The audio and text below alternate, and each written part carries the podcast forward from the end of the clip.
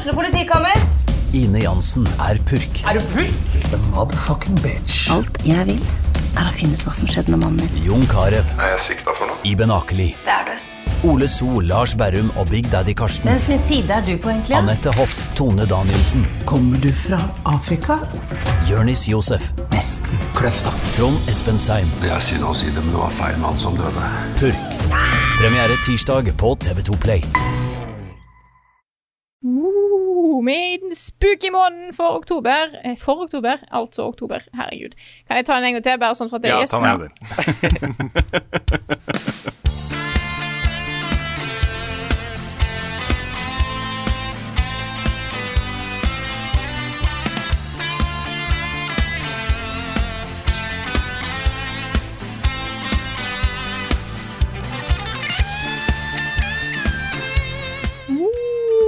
Det er en spooky måned oktober, og vi har feira dette her, eh, eller i hvert fall dere to, Rune og Karl, har feira dette her med et spooky liveshow i går.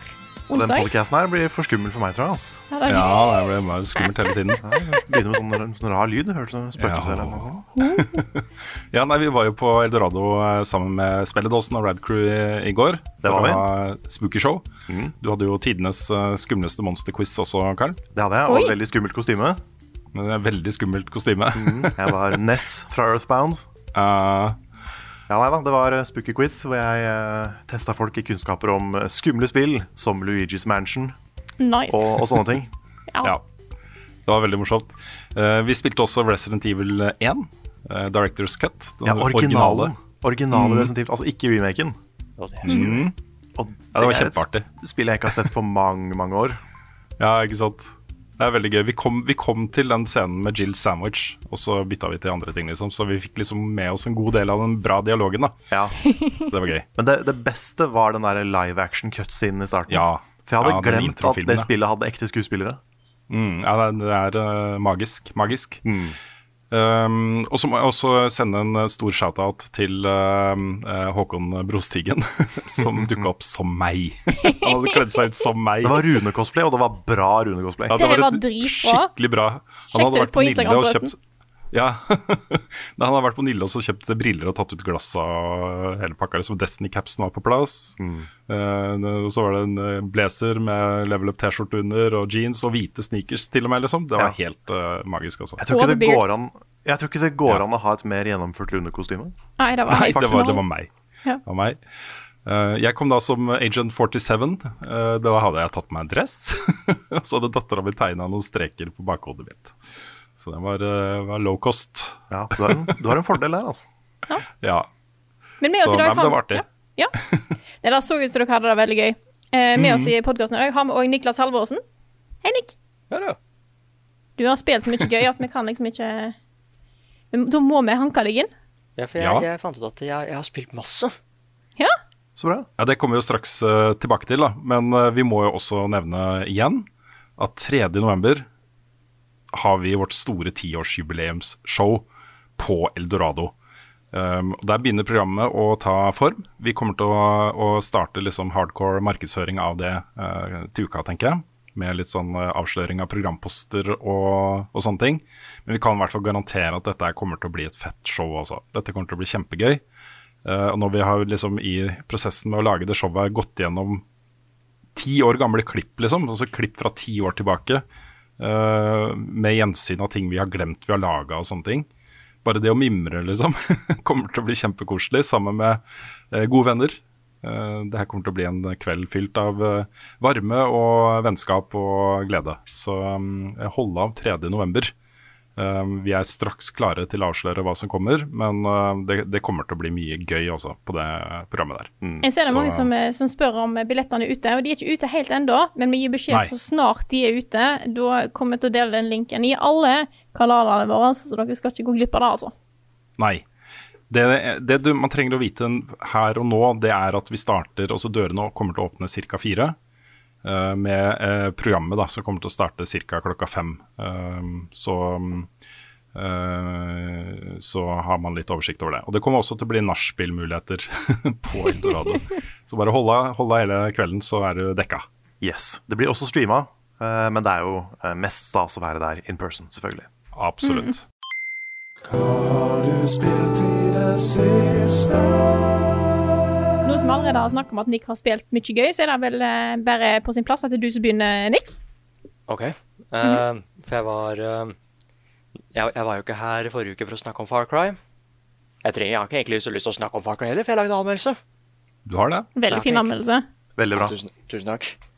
Eh, så har ikke egentlig gjort så mye der, annet enn at jeg har gått rundt med chorizo og rydda opp i øya litt mer. Mm. Mens jeg har hørt på Macarena og sånn. Nice. Eh, men eh, jeg har jo en hel liste over hva jeg har spilt, fant jeg ut. Eh, det første er at nå som Bajonetta 3 endelig eksisterer igjen, så feira jeg med å finne fram den remasteren til PlayStation 4. Og spilte det på nytt igjen der. Det første spillet. Åh, Ah, Kult. nice. Å, jeg gleder meg sånn. ja. Bare for å Men- ta noe Nei, sorry. Jeg må bare si, jeg har fått med meg at uh, Bajonetta har en ny voice actor i nummer tre. Oi. Oi. Og da vet jeg ikke helt hva jeg syns om ennå. Nei. Nei, det Nei, hvorfor det? Nei, det er et godt spørsmål. Så, eh, så da eh, Da må vi ha i bakhodet, og det kan jo være at det går helt smertefritt. Men jeg bare jeg fant ut av det i går, og da har jeg sittet og tenkt litt på, og jeg vet ikke helt om jeg eh, Om det blir det samme. Her er Keefer Sutherland. Det er det det er, kanskje. Ja. God damn it, kommer inn her og tar alle de beste rollene. Det var den rollen han hadde lyst til å spille hele tida. Ja, jeg skjønner Ja. for så vidt. Ja, men det er sånn derre starten, liksom starten på de spillene er så crazy. Og det er kanskje det jeg er mest spent på i Bayonetta 3. Fordi det, det starter alltid med at det liksom Det er veldig gøy å ta det ut av kontekst. Jeg lurer på åssen han mister klærne i denne introen her. Fordi hun, hun gjør det hele tida i spillet med én og to. Hun går med liksom quote unquote hverdagslige klær, men så skjer det et cataclysmic event. Så mister jeg klærne, så bruker hun håret, så får han nytt outfit, og så begynner hun å slåss. Ja, for det er en ting at, at, og et at jetfly. Ja, Ja, for det, det husker jeg fra Bayonetta 2. as you do. At hun bare casually sparker et jetfly til himmels, liksom. Det er kjempegøy. Ja, og det er ikke så crazy heller, hun som spiller spill nummer én. Nei? Det er sånn, ja, Jeg forventa at det skulle skje. Minst, liksom. Eh, nei, og det er jo kjempegøy. Det har holdt seg De spillene holder seg så bra. Men det føler jeg alle Platinum-spillene gjør. Ja, det, kampsystemet er bare gjennomført. Mm. Nei, så det Beklager at det kommer litt sånne smattelyder og sånt der nå. Det var en hund som uh, vil- ville veldig gjerne ha oppmerksomhet. så jeg tok henne opp litt. grann. Åh. Eh, og så har jeg spilt demon til dette nye Yokotaru-kortspillet. Ja. Ja. Dette her eh, Voice of Cards, The Isle of Dragon, tror jeg det Sitta. heter. Har det, har, det, har det vært noe eh, heartbreak ennå, Nick? Nei, eller fordi den er bare en time lang. OK. Uh, og det var litt sånn der, fordi det er jo fantasy-settinger, liksom. Uh, og det er én narrator som liksom forteller hele historien. Gir stemmene til karakterene og sånn. Som kan jeg, jeg, jeg likte det. Jeg er ikke helt sikker på hva jeg syns om den, fordi gameplay er veldig Det rakk ikke å bli noe særlig komplekst, annet enn at det var turn-based, liksom. Men jeg prøvde å finne ut bare hvor er Yoko Taro hen. Hvor har han hatt fingeren i spillet? Uh, ja, da er sånn Historien er veldig fin. Veldig enkel. Du skal eh, hjelpe kongeriket med et eller annet. Noe har blitt stjålet, og du skal finne hvem som har tatt det. Det er sikkert et monster, så du skal ta ham. Men du kan få sånne descriptions av det du dreper, ikke sant? Av det du slåss mot, av monstre. Og der, der fant jeg jo Kotaro ganske fort. Uh, fordi det er sånn uh, Et av dem er veldig sånn fine, bare at uh, denne lille, denne lille bukken har en hammer fordi han liker å jobbe i skogen. Så kanskje du hører lyden av at han lager, at han lager ting og tang til de andre monstra rundt seg, liksom. Og det er litt koselig. Det er litt sånn egen Monster Society. Men så kommer en sånn annen soppemonster, hvor det står bare at eh, den kan ikke lage barn selv, så den bruker lika til det den dreper, for å gjøre det. Ok. Jeg bare, ok, der, der, der har vi litt Yoko Taro, I guess. Eh, Og så tilfeldigvis så drepte han de 500 barna til bukken. Ja, det, det er sånn der eh, Jo mer du dreper de fiendene, jo mer informasjon får du om dem. Jeg venter Ja. på at det kommer til å dukke opp igjen. Det kommer garantert noe sånt forferdelig på slutten. Nei, og, men alle, alle side characters er veldig spennende, for de, ha, de har alle har backstories som du kan lære mer om jo mer du prater med dem og sånn. Så plutselig så er det noe supertrist. Jeg venter egentlig bare på den triste twisten. Det er alltid en twist, liksom. Mm. Uh, og jeg forventa hvor er dragen hen, og demon slutter med at vent, hva er det der oppe i himmelen? Så jeg antar at det var dragen. Ha. Nå, nå går det rykter om at dette her er Drakengard spin-off. Ja. Uh, og, bare, og, begynner igjen, ikke sant. Så Ja. alt er connecta på en måte. Så jeg vet ikke helt hva jeg syns om det nå, siden jeg syns gameplay var ganske Det er slemt å si basic, men, men det rakk ikke å gjøre så mye. Så det må jeg se litt an på anmeldelser og sånn. Det kan hende det utvikler seg etter hvert. Mm. Jeg håper at det blir mer komplekst. Mm. Uh, men så har jeg spilt uh, Dere vet de spillene hvor man liksom setter seg ned, og så, og så går det åtte timer, ikke sant? Been there. Ja, fordi jeg har spilt masse Humankind. Ja, Ja. Det ligger også en video på kanalen nå hvor du uh, både anmelder og gir en innføring i Humankind. Det stemmer. Veldig fin video, så hvis folk er nysgjerrig på det spillet, så check a look. Å, tusen takk. Ja, ja, fordi Du har jo sett den nå. Hva, hva syns du om Humankind? Nei, jeg, jeg følte at jeg lærte mye av å se videoen din. For jeg har vært Ja. litt nysgjerrig på, på hvordan det er i forhold til Civilization. Mhm. Jeg har hatt et lite prosjekt nå i eh, starten av høsten hvor jeg skulle prøve å bli så god i Civilization at jeg kunne runde det på høyeste vanskelighetsgrad. Ja.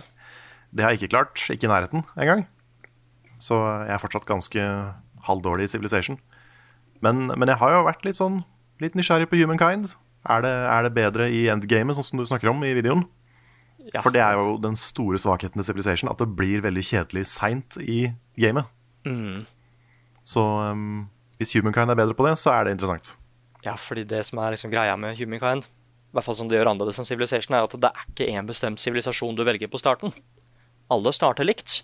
Alle starter i den der æraen hvor mennesket plutselig begynte å utforske verden og sånn. Liksom Ja. ikke steinalderen, men bitte litt etterpå, liksom. Jeg likte veldig godt at du var egyptiske vikingsamuraier. Ja. Ja. Fordi det er greia med Humankind. Er Ja. at uh, Hver gang når du går i en ny æra, så kan du velge åssen sivilisasjonen din skal utvikle seg. Og da tar du inspirasjon fra eksisterende kulturer som har vært i historien. da. Så da starta jeg som egyptere. Uh, og så husker jeg ikke hva jeg ble etter Jo, så ble jeg, så ble jeg grekere. Ja. Så ble jeg vikinger. Og så samuraier. ja. Um, og da blir byen forandra ut ifra hva du er, og så får du liksom forskjellige ting du kan lage som de sivilisasjonene og sånn. Så det skjer noe veldig spennende hver, hver gang det er en ny æra. I Civilization så er det bare ja, nå er det en ny æra, I guess. Men her så er det faktisk en svær forandring hver gang. Mm. Og som jeg sier da, i videoen, endgamet er så mye bedre peisa, da. Du kan gjøre så mye mer. Så ble det kriging og sånn. Det var, det var egentlig litt gøy. Ehm, nei, så jeg liker Humicam veldig, veldig godt. Jeg har faktisk blitt skikkelig glad i det. Og jeg syns det er mye bedre å hoppe inn i hvis du er en nybegynner til sjangeren, enn det Civilization er. Fordi det er veldig Det er ikke supermange features akkurat her nå som det Civilization har. Nei, for Civilization kan være litt sånn skummelt. For det er så, i hvert fall med de to expansionene som har kommet, Ja, så er det veldig mye med liksom governors og politikk og World Congress og alt det der som bare er sånn Som jeg fortsatt syns er vanskelig, på en måte. Ja, ikke sant, samme. Og, så det er mye mindre av det. Til og med liksom base game av Civilization så føler jeg det er lettere å hoppe inn i Humankind. Ja, Og lettere, lettere å lære seg sånn. Så mitt mål nå er å lage en sånn ta over et helt kontinent og lage en megacity. For du kan slå sammen byer og områder og sånn. Så hvis du er flink, så kan du lage et helt kontinent som er én by. Wow. Wow. Ja, det har man så klart lyst til å få til. Super megacity. Ja. Tokyo 3. Ja, Tokyo 3, ja. Så det har jeg spilt masse. Jeg har lagd en liten anmeldelse. Eh, Liten, faktisk. Det er helt feil å si. En, en sånn Jeg husker ikke hvor lang den ble.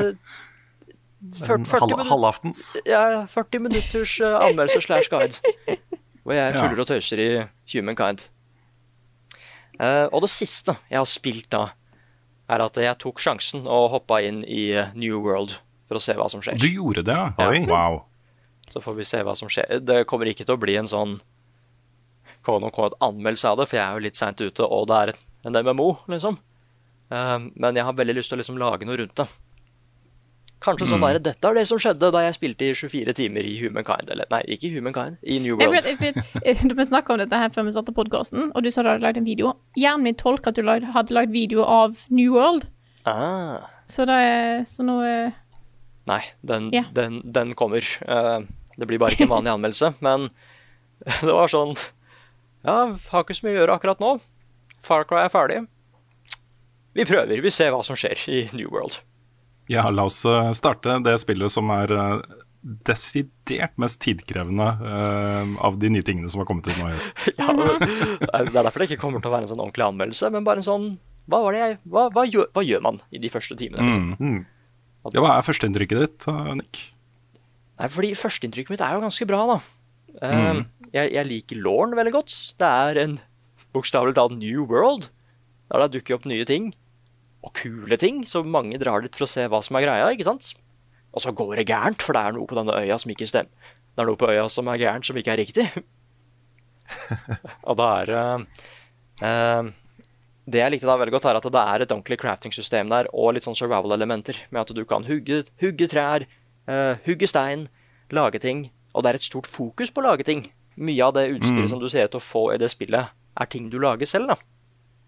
At liksom, jeg hadde ganske helt sånne OK våpen, men så kunne jeg lage mye bedre våpen ganske tidlig i spillet.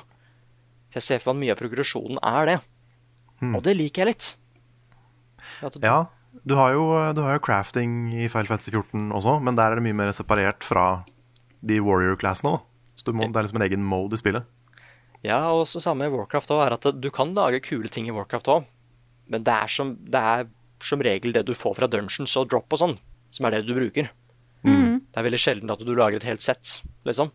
Du lager sånne småting. Men her så føler jeg at du kan liksom, hvis du har de riktige materialene, at mye av progresjonen handler om at det, det beste utstyret er det du lager selv, da. Og det likte jeg veldig godt. Litt som pizza. Litt som pizza, Carl. Nei, så jeg rakk ikke å gjøre så mye annet enn at jeg utforska den første liksom, regionen der. Eh, fått litt uh, du, du går opp i level der av å gjøre ting der og sånn. Uh, så er det sånne bounty boards med quester. Drep fem bjørner, finn nye steder, lag ting for det community og litt sånn. Så akkurat nå så Akkurat nå så liker jeg det veldig godt. Og da valgte jeg å være en sånn kar hvor jeg er Jeg har sånne Hva er det dette sverdet heter? Dette tynne. Rapier. Rapier. Ja, Rapier. Ra Ja. Rapier. Ja, for jeg har ikke sett det blitt gjort bra i spill før, så bare da må jeg jo ha det. Det er så kult eh, piratsverd, liksom. Eh, så har jeg en rapier, og så har jeg en rifledude. Så da bytter jeg mellom de to tinga. Så det, det er det jeg har spilt. Det er veldig kult. Skal jeg ta og fortsette litt? Grann? Mm. Jeg eh, vet vi snakka mye om det forrige uke, men nå har jeg spilt Metroid, Rune. Hell yeah. Ja, jeg har også lyst til å snakke litt mer om det, så det er helt greit. Fy fader, det er bra. Det er veldig bra. Åh, jeg koser meg sånn, og, og Samus er jo fader meg den kuleste spillkarakteren noen gang. Sånn, Jeg vet det. sånn er hun så opptrer i cutscenes, fy fader. Hun er veldig sånn Ja. effortlessly kul i det spillet her. Ja, sånn helt uanstrengt, bare dødskul. Også sånn eh, em, Det føles virkelig som om uh, Mercury Steam har liksom virkelig, virkelig forstått potensialet i den rollefiguren. da. Eh, det, er, det er så fett å se, altså. Jeg, jeg, jeg er så, har så sansen for Også i et spill da, hvor det ikke er så mye dialog og eh, lange cutscenes og sånne ting. Det å bare med animasjon og, og uh, poseringer og framing i shots og sånne ting, få fram så mye sånn utstråling av, av Vet du hva? Jeg er, den, jeg er den kuleste personen på denne planeten her. Ingen tvil om det, liksom. det er fett, altså. Mm. Jeg er en Terminator. Mm. Det er Og så liksom er det- Ja, nei, bare fortsett du, Frida. Ja, det er akkurat da at hun er, hun er jo eh, Selv om hun ikke har alle kreftene sine, så er hun likevel dritsterk. Så da at Mm. alle counters av alle vanlige fiender er insta-death, liksom, for dem, det Mm. viser jo hvor sterk hun er. Og først Ja. tenkte jeg på en måte hm, er det kjedelig at jeg bare tar ut alle med ett angrep. Nei! Nei, det er ikke kjedelig i det hele tatt. ja, det er veldig kult. Åh, og jeg jo- map-designet jeg oh, ja. Mm. Ja, jeg er jo ferdig med spillet, og så har jeg runda det, men eh, jeg har jo opplevd da, eh, etterpå det der suget etter å spille mer. Og det er sånn i det spillet her at du får et uh, lagringspunkt uh, rett før siste boss, uh, som du beholder. Altså du mister ikke den når du går inn i New Game. Så jeg har jo gått inn da, fi, fem ganger, tror jeg, for å ta siste bossen en gang til, for den er så fet. Den, er så, den fighten der, når du først lærer deg den, det er så fett. Bare, jeg, jeg vil bare gjenoppleve det å banke den bossen en gang til. Da. Og en gang til og en gang til.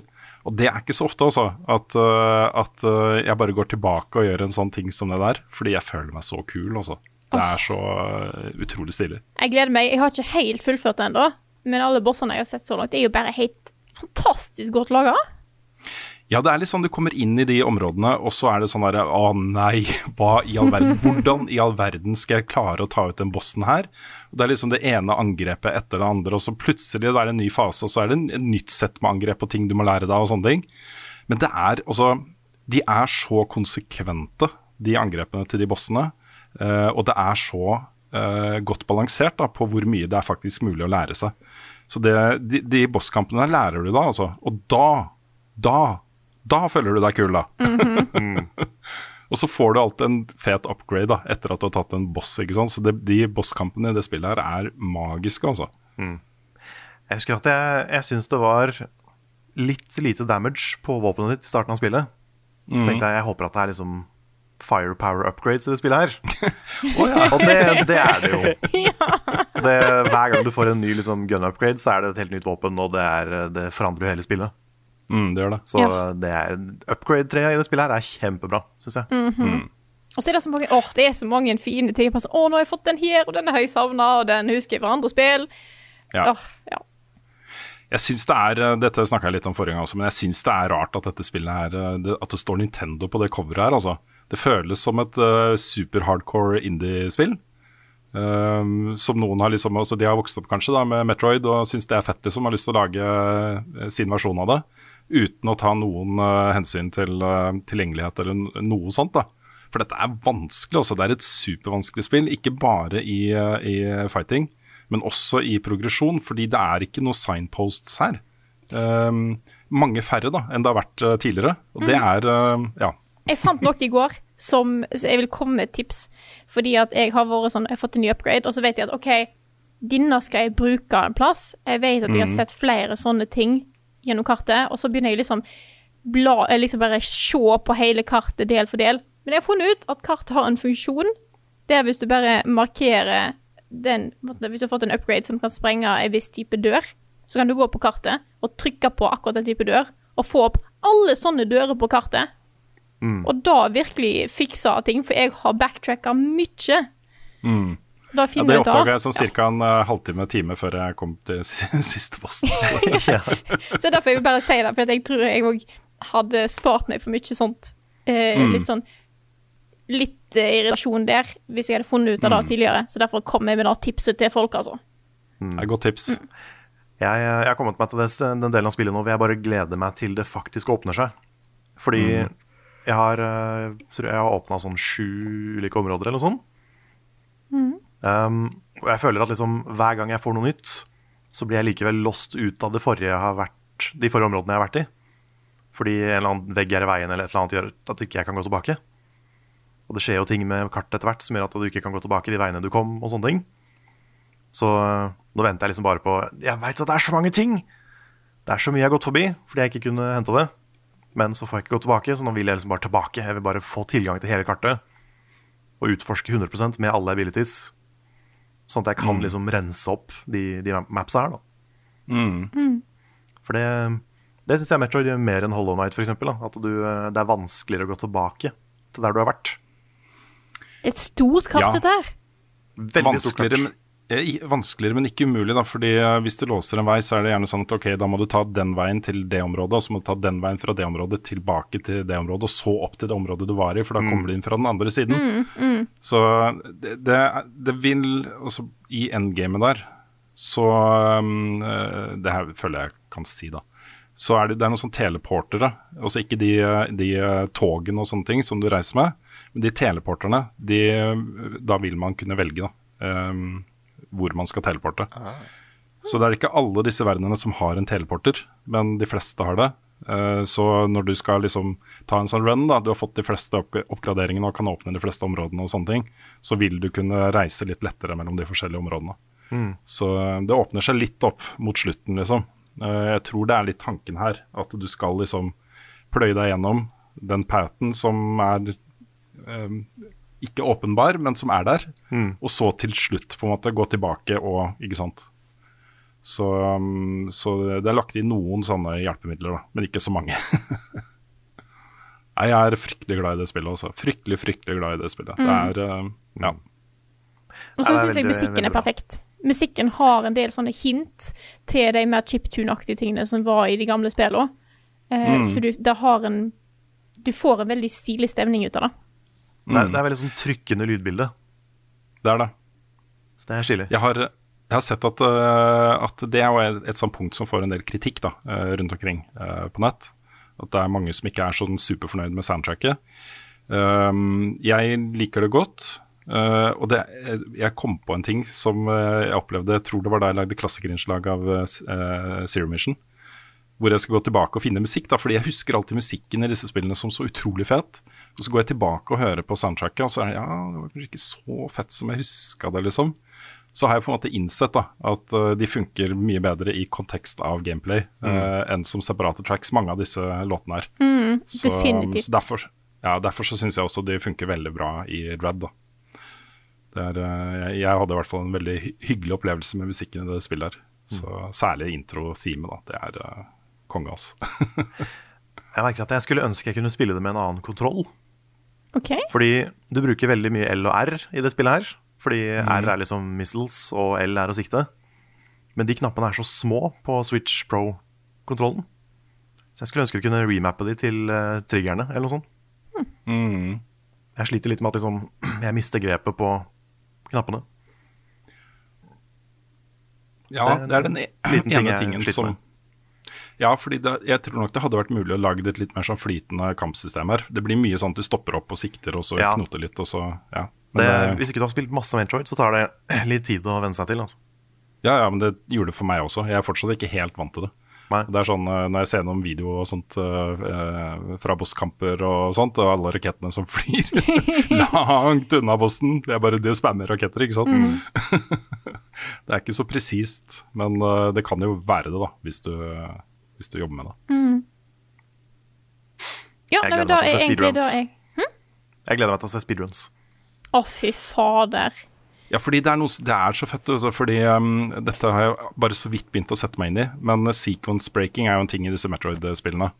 uh, og i speedruns. At man får tilgang til abilities og våpen og upgrades og sånne ting uh, før man egentlig skal.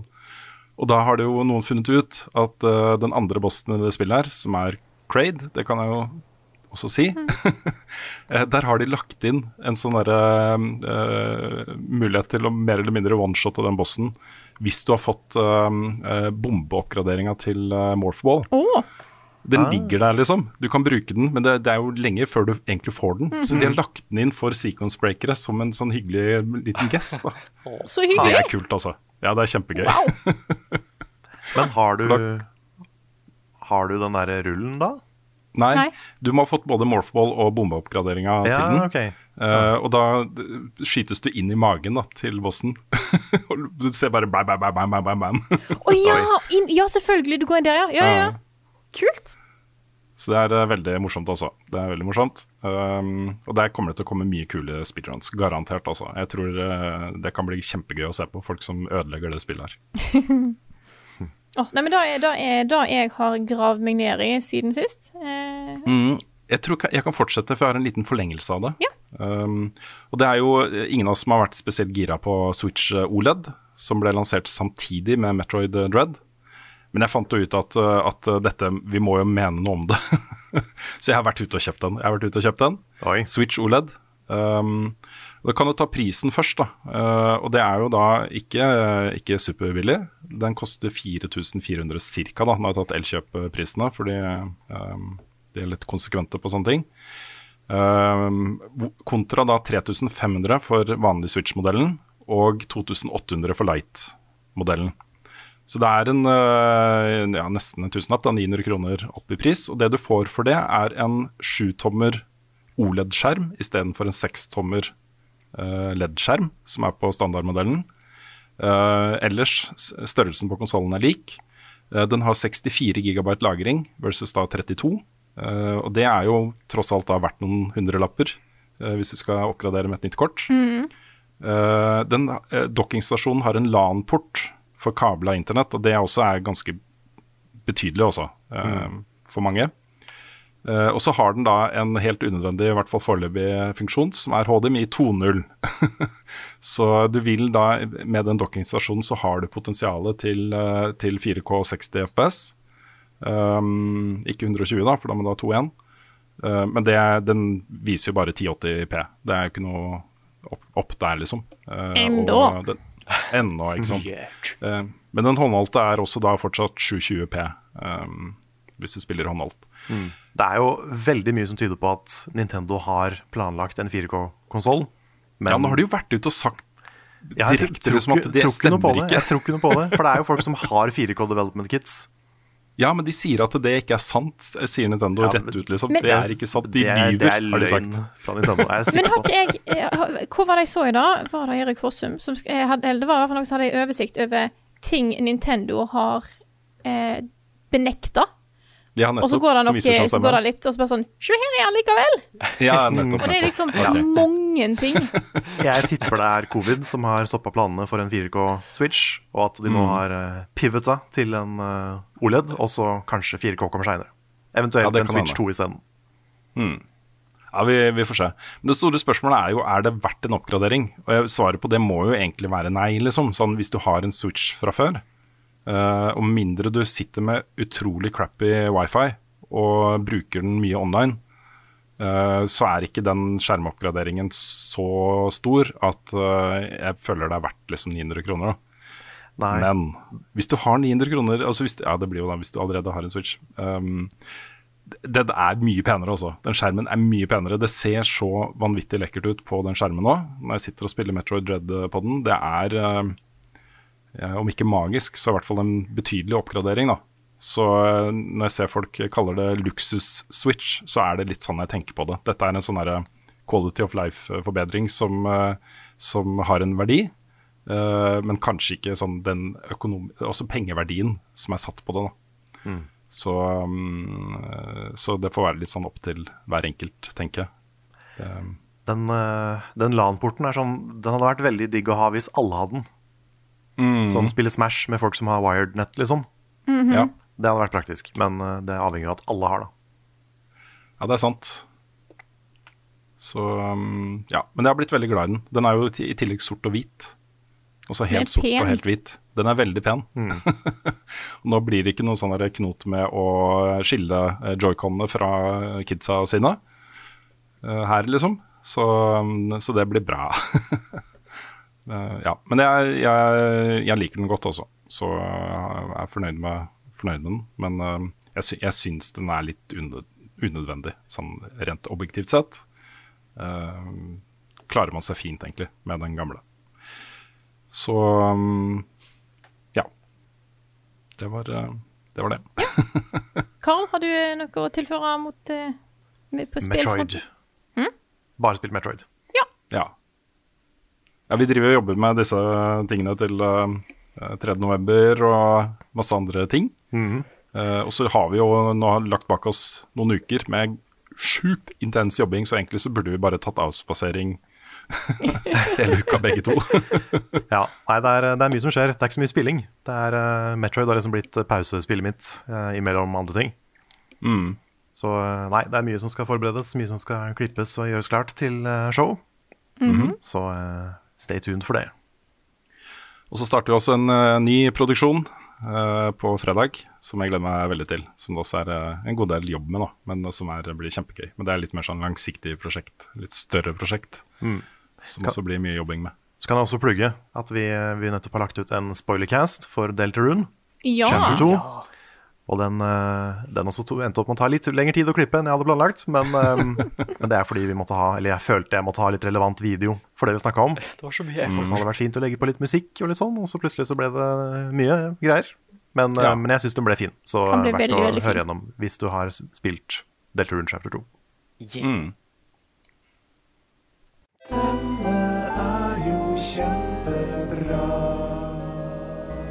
Ukens anbefaling. Breaking news her. Eh, Det kom en TV-serieanbefaling fra Rune. Ja, og Nick. Og Nick, og Nick. Vi, vi, deler, vi deler på den. Ja, ja, Og så er det i tillegg en eh, fin eh, sånn spooky måned-anbefaling. Spookums. Eh, nei, jeg har begynt å pløye meg gjennom Midnight Mass på Netflix. Um, og det er uh, ikke sånn umiddelbart åpenbart at uh, dette er en horrorserie. Jeg, jeg elsker at eh, også dette er en serie som veldig mange anbefaler. og snakker om og sier at du bør se og sånne ting. Men det er veldig lite detaljer om hva serien faktisk inneholder. Ja. Og, og sånn er også serien bygd opp. Også Den bygger seg opp veldig langsomt og fokuserer veldig på uh, de forskjellige rollefigurene da, på denne øya, Crocket Island, en liten øy og sånne ting. Uh, det er mye relasjon, altså hva er relasjonene mellom de forskjellige rollefigurene, eh, historikken til familien, historikken til øya uh, osv. Og Et sånt grep som jeg likte veldig godt, da, var at når du kommer dit, så ser du som dette er et lutfattig sted. Også husene er skikkelig slitte og alt mulig rart. Og så da kommer det en kjempestorm, jeg tror det er episode to. Da skjønner du jo hvorfor de husene ser sånn ut, og hvorfor de er bygd med de materialene og sånne ting. For de er jo så værutsatt, da. At det, det må bare være sånn, liksom. Det er ikke noe poeng i å legge masse ressurser inn i sånne uh, luksushus og sånne ting. Ikke at, det, ikke at det er et rikt samfunn, da, men, uh, men allikevel det var god sånn uh, miljøhistoriefortelling, syns jeg. Men dette er en serie som bygger seg opp fryktelig langsomt, um, og blir sånn gradvis rarere og rarere. Og det setter jeg så stor pris på. Det er så mye Stephen King her også. Det er så mye Stephen King. Eh, og dette er en serie som er uh, skapt av og regissert av en som heter Mike Flanagan. Eh, og han, han var også involvert i The Haunting of Hill House og Bly Manor. Han har uh, regissert Gerald's Game og Doctor Sleep, som begge er basert på Stephen King-romaner. Pluss en del annen horrorgreier, da. Um, så dette er liksom hans uh, liksom uh, breakthrough-greie. Også noe han har skapt helt på egen hånd og uh, regissert og sånne ting. Og så er det innmari gode skuespillere her. Uh, jeg syns det var så, så, så så hyggelig å se Zack, uh, Zack Gilford, som er da Matt Saracen fra Friday Night Lights, i en utrolig god rolle. En veldig god skuespiller, altså. Eh, og ikke minst også Rahul Kohli som sheriffen på den øya her. Eh, dypt religiøse øya, eh, katolske øya, og han er jo muslim. Eh, og Det som er litt morsomt, er at han følger jeg på Twitter, og har fulgt han ganske lenge. Han er en veldig sånn sterk personlighet på Twitter. Mm. Uh, gøy å se han i en uh, sterk rolle. Også, han er en kjempeskuespiller. Og også alle de andre birollene er veldig, veldig gode. Så jeg, jeg ser faktisk denne med kona, da. Hun liker jo ikke skrekk i det hele tatt. Men denne har jeg fått henne med på, så håper jeg Jeg, sitter, jeg har sett tre episoder. Jeg krysser liksom fingrene for at det ikke blir for ille. At det ikke er lurt henne ut på eh, noe som, eh, som blir for, for jævlig, liksom. så, så er jeg litt spent. da. Det er bare syv episoder eh, i denne miniserien. Jeg har sett tre. Du har sett et par til, eh, Nick. Ja, så er det det at jeg hater jo Jeg hater jo skrekkfilmer. For jeg er så pysete og sånn. Men, men han er veldig flink til å lage sånne skrekkfilmer som jeg liker å se på. Fordi de er Ja. me, det er mer suspens enn skrekk, føler jeg. Eh, eller bortsett fra Hill House, den har jeg ikke turt å se ennå. Uh, den jeg har hørt er kjempeskummel. så- Ja, den er det. Ja, Han er veldig god, da. Men jeg har hørt den er bra, men den er jo dritskummel, da. Ja, jeg, jeg begynte så vidt på Ila, og så bare Nei. Ah, Men, men han har lagd så mange andre gode skrekkfilmer. Mm. Oculus og Hush og denne Ouija Nei, åssen sier man det? Dette er bordet. Ouija. Ouija. Ouija. Ja, for han har lagd oppfølgeren til den, som er, eller prequelen, som er kjempebra. Når den forrige filmen egentlig ikke var Det er slemt å si crap, men det var ikke så langt unna. For det, det var bare at her skal vi tjene penger. Men han, Mm. han gikk inn for å lage en skikkelig bra oppfølger. Nei, og så ser det bare så bra ut. Han er så god i den der regissørstolen, liksom. Uh, og jeg liker sånne serier der du er helt ute av loopen på starten, men at det blir så gøy å se det her på nytt igjen. For det er så mange puslespillbiter her.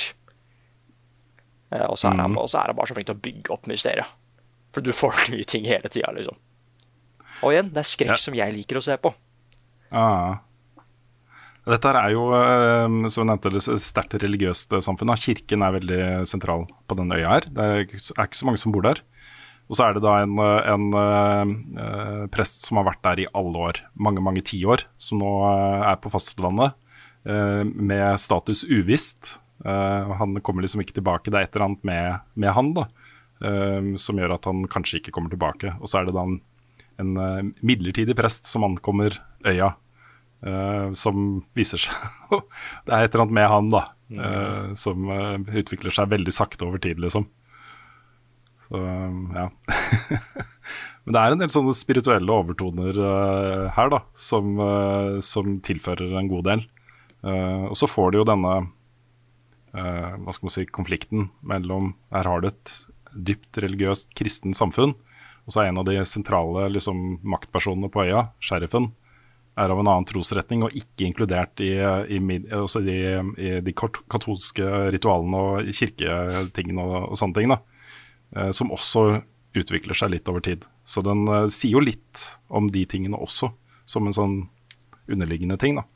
Mm. Um, og dette er jo også et tema som uh, Rahul Kohli har vært veldig uh, frittalende om på sosiale medier. Så det virker som uh, måten han snakker om den serien på her, er veldig sånn det, Dette er en veldig sterk rolle for, uh, for en muslim da, uh, i det amerikanske samfunnet. Så han, mm. jeg tror han er veldig stolt av, av å ha vært med på dette her. Nei, Den anbefales. Den er uh, veldig vellaga. Dette er en litt sånn uh, karakterstudie, uh, regitung, um, flott serie, liksom. Som er oser litt kvalitet da, i alle ledd, liksom. Med skuespillerprestasjoner og regi og bilder og alt dette her. Yeah. Så mm. gleder meg til å se hvor det går. Ja, ja, jeg håper bare det it sticks to landing. For jeg liker mm. bilder på så mye. Her kommer Neder med Rune Fjellosen, og han har ikke hår. Det er kanskje noen som reagerte litt på at vi eh, bare snakket om sånn koseting uh, når vi snakka om New World tidligere i uh, den episoden her. Uh, men ikke vær redd. Nå skal vi ta den biten som ikke er så positiv. Oh. Skråblikk. ja. ja, det er edgy. Nå skal jeg være edgy. Ja. Neida, men uh, dette er jo en lansering som på en måte har overgått alle, alle forventninger, tror jeg, hos Amazon. Uh, her snakker vi da om uh, en aktør som har flere uh, serverparker enn de fleste. Også mer maskinkraft og internettlinjer tilgjengelig og osv. enn de fleste. Og allikevel da, så var pågangen så stor ved lansering av New World at servere ble fulle. Og um, man hadde jo ventetider på opptil et døgn for noen da, som bare stilte seg i den køen her. Jeg mener å huske å ha lest et eller annet om, om at, at, eh, det var sånn at serveren måtte først tømmes helt for folk, og så fikk da de som sto i kø muligheten til å komme inn. Det var et eller annet med Et eller annet veldig rart, i hvert fall. Ja. ja. Uh, men uansett, da. Uh, det var så stor pågang og så mye folk som ikke kom inn, at uh, Amazon gikk ut og sa at hvis du ikke kommer inn på serveren du har lyst til å spille på, så bare lag en karakter på en annen server. level opp den, og så vil du kunne flytte den tilbake til den serveren du har lyst til å spille på. Eh, når ting roer seg litt ned. Så folk gjorde jo det, da. Folk var jo til og med ute og spurte vil vi kunne skifte mellom regioner i denne mm. settingen her. Og Amazon sa ja, da vil være mulig. Ja, og det er det da ikke. Nei. uh, dette systemet her fungerer kun da i den regionen som du har levela karakter på. Så det vil si da at hvis du sitter i Europa, uh, alle vennene dine spiller på en europeisk server, du tok med deg en fersk karakter til en amerikansk server f.eks., bare for å levele, så vil du da ikke kunne ta den tilbake. Og her snakker vi da om mange titalls timer for noen. Sikkert hundrevis av timer for andre, som bare har spilt New World siden lansering. som da, hvis de har lyst til å spille med på en annen server, så må de starte på nytt. Det er jo et ganske dramatisk tillitsbrudd da, i kommunikasjon, dette her, vil jeg si. Og så er det mange som har, etter spilt eh, Ikke mange, det var noen som har gått ut nå etter å ha spilt over 100 timer, sagt at nå, nå spiller de ikke mer. For de orker mm. ikke dette her. De orker ikke å måtte begynne på nytt igjen, for det var ikke noe Ja, det er ikke gøy. Nei. Nei, det er ikke gøy i det hele tatt. Særlig ikke når det har vært så eksplisitte på at uh, dette vil være mulig. Mm. Bare kom igjen, folkens, dette kommer til å gå bra.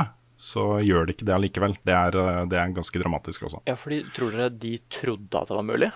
Ja, det tror jeg nok. Ja. Det tror jeg nok. Ja. Jeg, tror nok jeg, tror ikke det ville eh, bevisst sagt noe annet enn det de visste ja, for... var tilfellet. Men er det, så vanskelig å få til? Å skifte mellom regioner?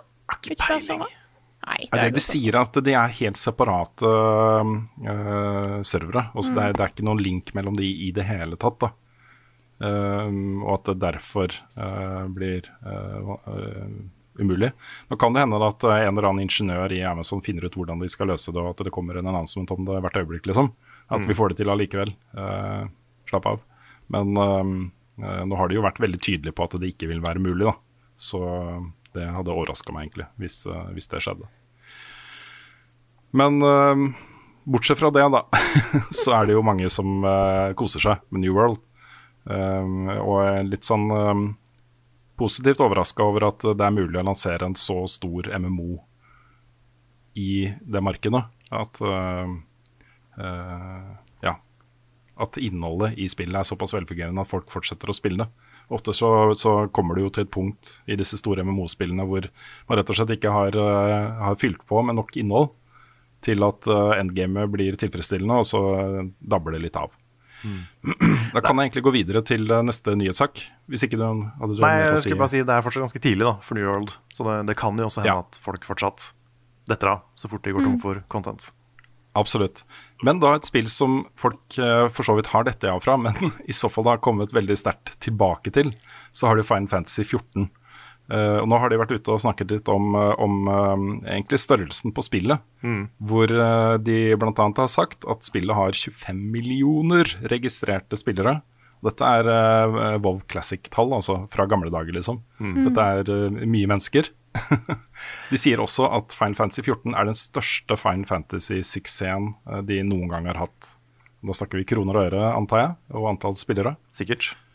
Um, det, det var en veldig sånn søt uh, sak, dette her. Fordi uh, da snakker jo skaperne av spillet om liksom Dette er ikke en, en kommersiell greie for oss. Dette er en stor familie.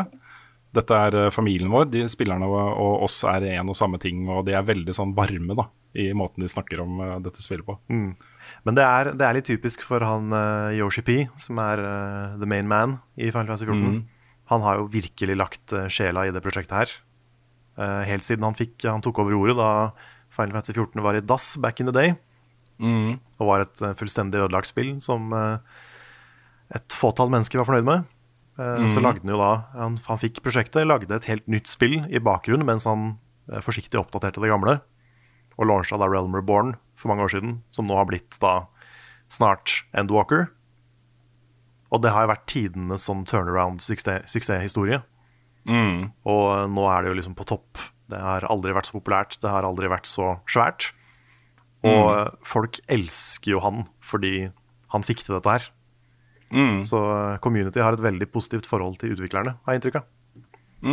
Og Det, det er ikke så mange spill hvor det er tilfellet, men, det, men her så virker det som det er veldig, veldig mye kjærlighet fram og tilbake. Nå kommer da Endwalker Expansion kommer 23.11. Det gjør den. Jeg antar du er klar, eh, Carl? Jeg er så klar. Nice. Vi går videre til et annet populært online-spill, nemlig League of Legends, hvor Riot nå har bestemt seg for å fjerne det som da kalles all chat. Altså dette er chatten som uh, er uh, åpen, åpen chat under kamper. At man kan snakke med motstanderne. Og de gjør det rett og slett fordi det er for toxic. Det er for mye trakassering og drittslenging og eh, mobbing og eh, rasisme og alle disse tingene som er forbundet da, med toxic eh, oppførsel i spill. Og dette er jo et problem som League of Legends har vært eh, eh, egentlig liksom berykta for hele veien. Vært mye drittslenging, altså. eh, mellom både medspillere og mot, motspillere. Så um, ja. Dette er et ganske sånn stort grep man tar. da. Man endrer litt, eh, litt formatet på en måte, når man eh, tar et såpass stort grep. Det har også blitt snakka en del om at eh, det er ikke bare allchat som er problemet der. At det er mye drittslenging i lagkamerater imellom også, særlig når man har liksom random, spiller med random folk, da. hvor det er matchmaking og sånne ting. Um, så mulig de, de har mer på lager etter hvert, da. Um, men det, det har kommet et spørsmål fra Vegard Lindland også, som passer godt inn her. Um, uh, som skriver da om, om uh, allchat-tingen. og så skriver han da dette er ifølge Riot Games grunnet økende problem med trakassering uh, dette året. da. Uh, dette samtidig som de fortsetter å selge, selge emotes i spillet som om, om ikke direkte trak er trakasserende, så har mange laget med en lett mulighet for å hisse opp motstandere eller lagkamerater. Kan dette da virke som et symbolsk tiltak som ikke vil endre stort på negativiteten i spillet, eller kan denne avgjørelsen ha større positive ringvirk ringvirkninger på andre spill? Burde Riot Games gjort mer for å stoppe negativiteten i spillet, i stedet for å deaktivere kommunikasjonsmulighetene for alle? Og Det er et, øh, et øh, viktig perspektiv på disse tingene, fordi øh, selv om League of Legends kanskje er litt mer toxic enn en del andre spill, så er det jo et vedvarende problem mm. når man spiller på nett at man kan møte eh, i hvert fall toxic lommer. da. Eh, visse lobbyer som er mer toxic enn andre, og eh, visse personer som er mer utsatt for den type trakassering enn andre. Um, så jeg ser jo at, uh, at alle de som har online-spill nå, de jobber jo med disse tingene. Microsoft har jo gått ut med nye retningslinjer for hvordan man skal oppføre seg når man spiller på Xbox Live, f.eks. Uh, og mange av de andre store online-spillene uh, jobber også med disse tingene. Og jeg mener jo at Riot og Activision Blizzard og EA og alle de som sitter og um, har online communities, har et ansvar for å um, sørge for at spillerne har en, en positiv opplevelse av å være der. Og det er mye fordi dette har blitt en så stor og viktig del av livene til folk. Det er en del av hverdagen deres. K- kanskje den uh, for mange uh, har de mer sosial omgang med andre faktiske mennesker i online-spill enn i virkeligheten. Um, og dette er eh, litt sånn lovløst, det har i hvert fall vært det. da, Litt sånn lovløst at, at terskelen for å være kjip mot andre er mye lavere. Og Da har man et ekstra ansvar, mener jeg. da. Så jeg, jeg tror vi kommer til å se mye mer av dette her i tiden framover. Dette er noe som jeg føler spillbransjen begynner å ta på alvor nå. Så kan du Ja, si at det å, det å fjerne en chat-funksjon er kanskje ikke den mest elegante løsningen, men, eh, men det er noe. Ja. Det er lov å håpe at det kommer mer. At eh, ikke dette her er det eneste de har tenkt å gjøre, for da, da er det ikke nok. Nei, sånn som i Destiny 2 da, så banner du jo folk for uh, den type oppførsel. Og det står liksom veldig tydelig fra folk. uh, noen ganger får de ikke advarsler engang hvis det er for uh, grovt. da. Øh, men øh, det er jo rapporteringsmuligheter. Øh, du kan sende inn klipp og sånne ting til Bungie. Eh, og i de tilfellene hvor man bryter da, det som er altså de der brukeravtalene som ingen leser, der står det jo liksom svart på hvitt at du kan bli banna hvis du sånn og sånn og sånn, liksom. Um, og Det samme gjelder med den content vaultinga som de gjør i Destiny nå. Det også står i brukeravtalen, som du må akseptere da, for å kunne spille spillet. Så det er litt, litt sånn uh, sleipt å liksom si at ja, men de har jo det i brukeravtalen, for ingen leser jo de brukeravtalene. Nei, det er ingen som Rent sånn for, forbrukerrettslig så er det litt sånn øh, kjipt poeng å komme med, da. Så Men, uh, kan man jo si at spillere kommer alltid til å finne måter å være kjipe på. Um, og det, det er en ting, men det er også noe med å begrense liksom racial slurs og sånne ting. Det er på et litt annet nivå. mm. Så det å få slutt på det er ganske viktig. Ja, det er jo pri én, da. Men, øh, men jeg, jeg syns jo den biten bare med å ha et OK uh, community hvor folk føler seg trygge og uh, tatt godt vare på, liksom. At, at ikke man møter en sånn vegg av negativitet da, bare fordi man har lyst til å spille et spill online, øh, er, øh, er ganske essensielt også. Ja. Absolutt. Så alt Så vet jeg det. der. Ja, så vet jeg det er mange da som, eh, som på en måte har kanskje vokst litt opp med den type kultur, og tenker at uh, for meg er det ikke noe problem. Uh, dette er, er bare noe man må akseptere når man er er, online. sånn online. det liksom. er. Ja, Ja, og det, er- det er liksom bare ord liksom som ikke De preller bare av meg. Jeg ligger ikke våken om netten og tenker på disse tingene der. Fint for deg. Fint for deg, fordi noen gjør det, ikke sant. Noen gjør det.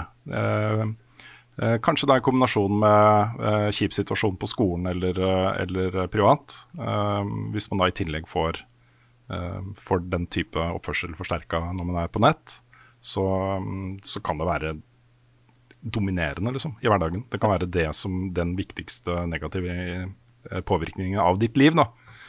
Hvis, Og det er ikke eh, fordi de er hårsåre. det er ikke fordi de er hårsåre. Det er, eh, man må bare ha litt empati eh, med at eh, noen eh, håndterer sånne ting eh, på andre måter enn deg. Ikke retta mot noen spesielle, bare en generell. Absolutt. Vi har også hatt en eh, litt sånn fram og tilbake-greie på um, den, nye moden i eh, Fortnite. Som jo uh, åpenbart var tungt inspirert av uh, Among us. Men hvor da Epic eh, ikke hadde snakka med Innerslott om det i det hele tatt på forhånd. Nå har de da tydeligvis kommet til en eller annen form for enighet. For nå har de begynt med åh, Hva er det de kaller det igjen? Eh, jo, branter. Istedenfor banter, så er det branter er uttrykket, da. OK. Hvor da brands snakker med hverandre på sosiale medier, ikke sant? Dette er litt Eh, dystopisk, ass. Å, fy Ja, det er litt fader. Uff a meg. Ja. Men det er et eller annet på gang nå, da, hvor eh, liksom Epic, det som slutter med at Epic sier ja, vi skal ikke gjøre noe sammen, da. Å, det er så kleint. Så, ja, det er litt kleint. Men det kommer en eller annen form for uh, eh, link da, mellom Among us og denne nye um, Among us-lignende modusen i Fortnite. Mest sannsynlig. Jeg, kom, nok- jeg kommer meg ikke gjennom dagen hvis ikke jeg hører fra McDonald's at jeg må hang in there. ja. ja, det er litt, uh, litt weird, altså. Men uh, jeg tenker at det er ganske åpenbart, for det var en ganske uh, stor backlash mot Epic på dette her. Som den store giganten, liksom, med milliarder av inntekter og, og sånt, mot den lille indie-utvikleren. Bare søte mennesker som jobber der og, og sånne ting, liksom, inneslått. Um, som var oppriktig sure på, på nett. da. De reagerte jo med dette veldig negativt på den nyheten. Um, Fullt forståelig, Så- herregud. ja, ja, ja. Så det er åpenbart noen i Epic som har skjønt at dette er en litt sånn PR-bommert, da. Og ikke Vi har jo de pengene, kan vi ikke gi noen av de til uh, Inneslott, da? Tenker jeg. Yes. jeg har ikke så mye mer å melde, men eh, jeg ser jo bare at nå er spooky season på gang i spill også. Det ene spillet etter det andre introduserer sine Halloween-events. Så eh, hvis du spiller mye online om dagen, så eh, må du bare forvente mye spøkelser og skumle lyder og edderkopper og edderkoppnett og, og sånne ting. Har dere sett noe av det sjøl i deres spill? Jeg spiller så utrolig lite sånne spill som har seasonal content. Mm. Ja, Det har ikke dukket opp noe i Metroid, liksom. nei, det- akkurat nå så er det ikke så mye spiller som har det. Nei, liksom Deltarune hvis du spiller det på en bestemt måte. Ja. Ja. Ja, ja det, det er ekkelt. Stalker deg litt. jo Det har kommet den der eh, Halloween-eventet har kommet til Destiny. Jeg kommer ikke til å bruke så mye tid på den, også, men det er en Sparrow der som ser ut som en edderkopp med bevegelige bein. Den har jeg lyst på. Mm, den var litt Ja, den er litt kul. også. Så, så vi får se, da. Men-. Kan jeg Ja. kaste ut en slags anbefaling når vi først er inne på dette her? Jeg gjør Mhm. det likevel, jeg. Eh, jeg har ikke spilt det sjøl, men jeg har sett på en jeg ser på på YouTube, har spilt et spill. Og det handler om edderkopper, men det er veldig koselig. Og det Ja, heter jeg har sett noen noe reklame for det. Og det, er, det ser bare helt amazing ut. Eh, så, så, så det er liksom Du, du løser puzzles og sånt med, med spiderweb, og så skal du gå rundt og hjelpe maur og, og lage en luftballong, tror jeg. Så det var, ja. Mm. Så veldig, faktisk veldig koselig, eh, selv om det handler om edderkopper. Så hvis du syns at skrekkspill blir for skummelt, men har lyst til å gi noe som er litt relatert til, til uh, Spooktober, så er, er kanskje Webbed eh, et alternativ. Nå, post, nå poster jeg en link til dere på pratkanalen vår på, um, på Discord. Ja. Ok, Skal vi se, blir ble veldig lang link, da. Dette er vinneren av uh, Wildlife Photography Eh, ja, jeg så of the Year. Year. ja Oi. Å nei. nei! Nei, jeg tror ikke jeg skal klikke på den. Hva er det ekte? Ja, Ja. det er ekte. Det- vi ser på nå, da er et bilde av en Brazilian spider. Uh, der var det en person som oppdaga at det var veldig mange små edderkopper på rommet der. Å oh, nei. Mm. Kikka under senga. Så er det, det den, altså, den dekker jo hva er det, to tredeler av veggen. Hvor Nei, okay. stor er den? Dette er under senga. Ja, det er under senga, ok, greit. OK, dette er tatt under senga, så Ja, er ikke snakk om mer enn sånn ti centimeter. Jeg trodde den var gigastor. Ja. Ja, Men ti 10 er fortsatt centimeter er mer enn nok, da. Ja. Nei, det var et uh, herlig bilde. Så um, uh, søk opp uh, Wildlife Photographer of the Year winner, Brazilian Spider, så kan du også se det bildet. Så komme i halloween-stemning. Or don't. Hva er dines best, hvordan fredag sist har Carl egentlig sopp? Ukens spørsmål. Vi starter med et veldig eh, interessant spørsmål her fra Jakob. Han skriver i hva situasjoner er det innafor å laste ned og spille roms, og i hva situasjoner er det ikke det? Dette er jo, dette med emulering av spill er jo en eh, interessant diskusjon i seg sjøl. Det er på en måte Ja, altså- lovmessig sånn grey area i mange tilfeller, men i mange tilfeller så er jo ikke det heller. Da er det ulovlig. Men Ja. jeg føler liksom moralsk og lovmessig er ofte litt forskjellige ting på de tingene der. Ja, dette er jo en diskusjon som går nå, da. Vi kan jo nevne det. Vi har ikke lyst til å gå liksom som veldig i detalj på, på hva diskusjonen er. Eh, Men det prinsipielle her eh, er jo viktig. um, og interessant å snakke litt om. Fordi um, i mange tilfeller så er jo emulatorer og roms uh, på en måte en, en konser konserveringsting. Altså man gjør spill tilgjengelige for uh, forbrukere, selv om det ikke er, det, på en måte. Også det er spillhistorie. Ja, ja, for Um, pirater har gjort en del for å bevare spill uh, som har forsvunnet fra markedet. Ja, så Nå kom det akkurat en ny versjon av Scum VM, hvor du bl.a. kan spille en skikkelig velfungerende av, uh, versjon av uh, The Longest Journey. Og det er liksom, eh, Hvis du laster ned det på Steam, da, for det er jo tilgjengelig også på, på Steam um, Så det er, det er ikke verdens letteste jobb også, å pløye seg gjennom det spillet i den versjonen som ligger der. Men uh, med da den nye versjonen av Scum VM, så kan du da kjøpe originalspillet på da, Good Old Games uh, og legge den inn i uh, emulatoren din. Så er, da er du godt innafor, mener jeg da. Eh, Ja. Det emulatorer er laget for. Ja, jeg, Du er eier vel- en kopi av spillet, og du har uh, muligheten til å spille det i den beste versjonen som er mulig i dag. Da. Mm, det er vel også sånn at eh, emulatorer er lovlig, men roms er ikke det. Nettopp. Ja. Stort sett. Og hvis Mm. du For du kan jo lage eh, Hvis du eier et spill og lager en rom av det og spiller det på en emulator, så er det òg lov. Ja, Ja. der hadde vi en dom da, for en del år siden med DVD-Jon og sånne ting, hvor, uh, som hadde globale eh, DVD-Jon. konsekvenser. Men den har jeg nylig hørt om. Memories. Memories. Ja, ja, ja, memories. Good old times. Nei, men Poenget her er jo at hvis du har betalt for et spill, hvis du har kjøpt et spill, du eier spillet på en måte, så, um, så um, bør du ha en del rettigheter på også uh, hvordan du skal få spilt det spillet. Uh, og da særlig med spill som ikke er, fungerer på noen plattformer i dag. Du har kopien av spillet i hylla di, liksom, men du får ikke kobla den konsollen til lenger fordi den ikke funker, eller hva som helst. da. Så uh, er du moralsk godt innafor, mener jeg da. Ja, jeg er helt enig. Jeg syns emulering av gamle spill, som er vanskelig eller umulig å få tak i, det er ikke noe moralsk problem med i det hele tatt. Nei, og så syns jeg òg da uh, Jeg jo Jeg emulerte jo Sims da jeg spilte det nylig. Og det var jo rett og slett fordi at jeg eier Sims 1 og Sims 2. Eh, men de ligger en eller annen rar plass hjemme på Stord, og jeg vet ikke hvor. Så da jeg skulle spille på nytt, så prøvde jeg å finne ut kan jeg kjøpe disse her. Fins det versjoner jeg kan kjøpe? Og det var det ikke.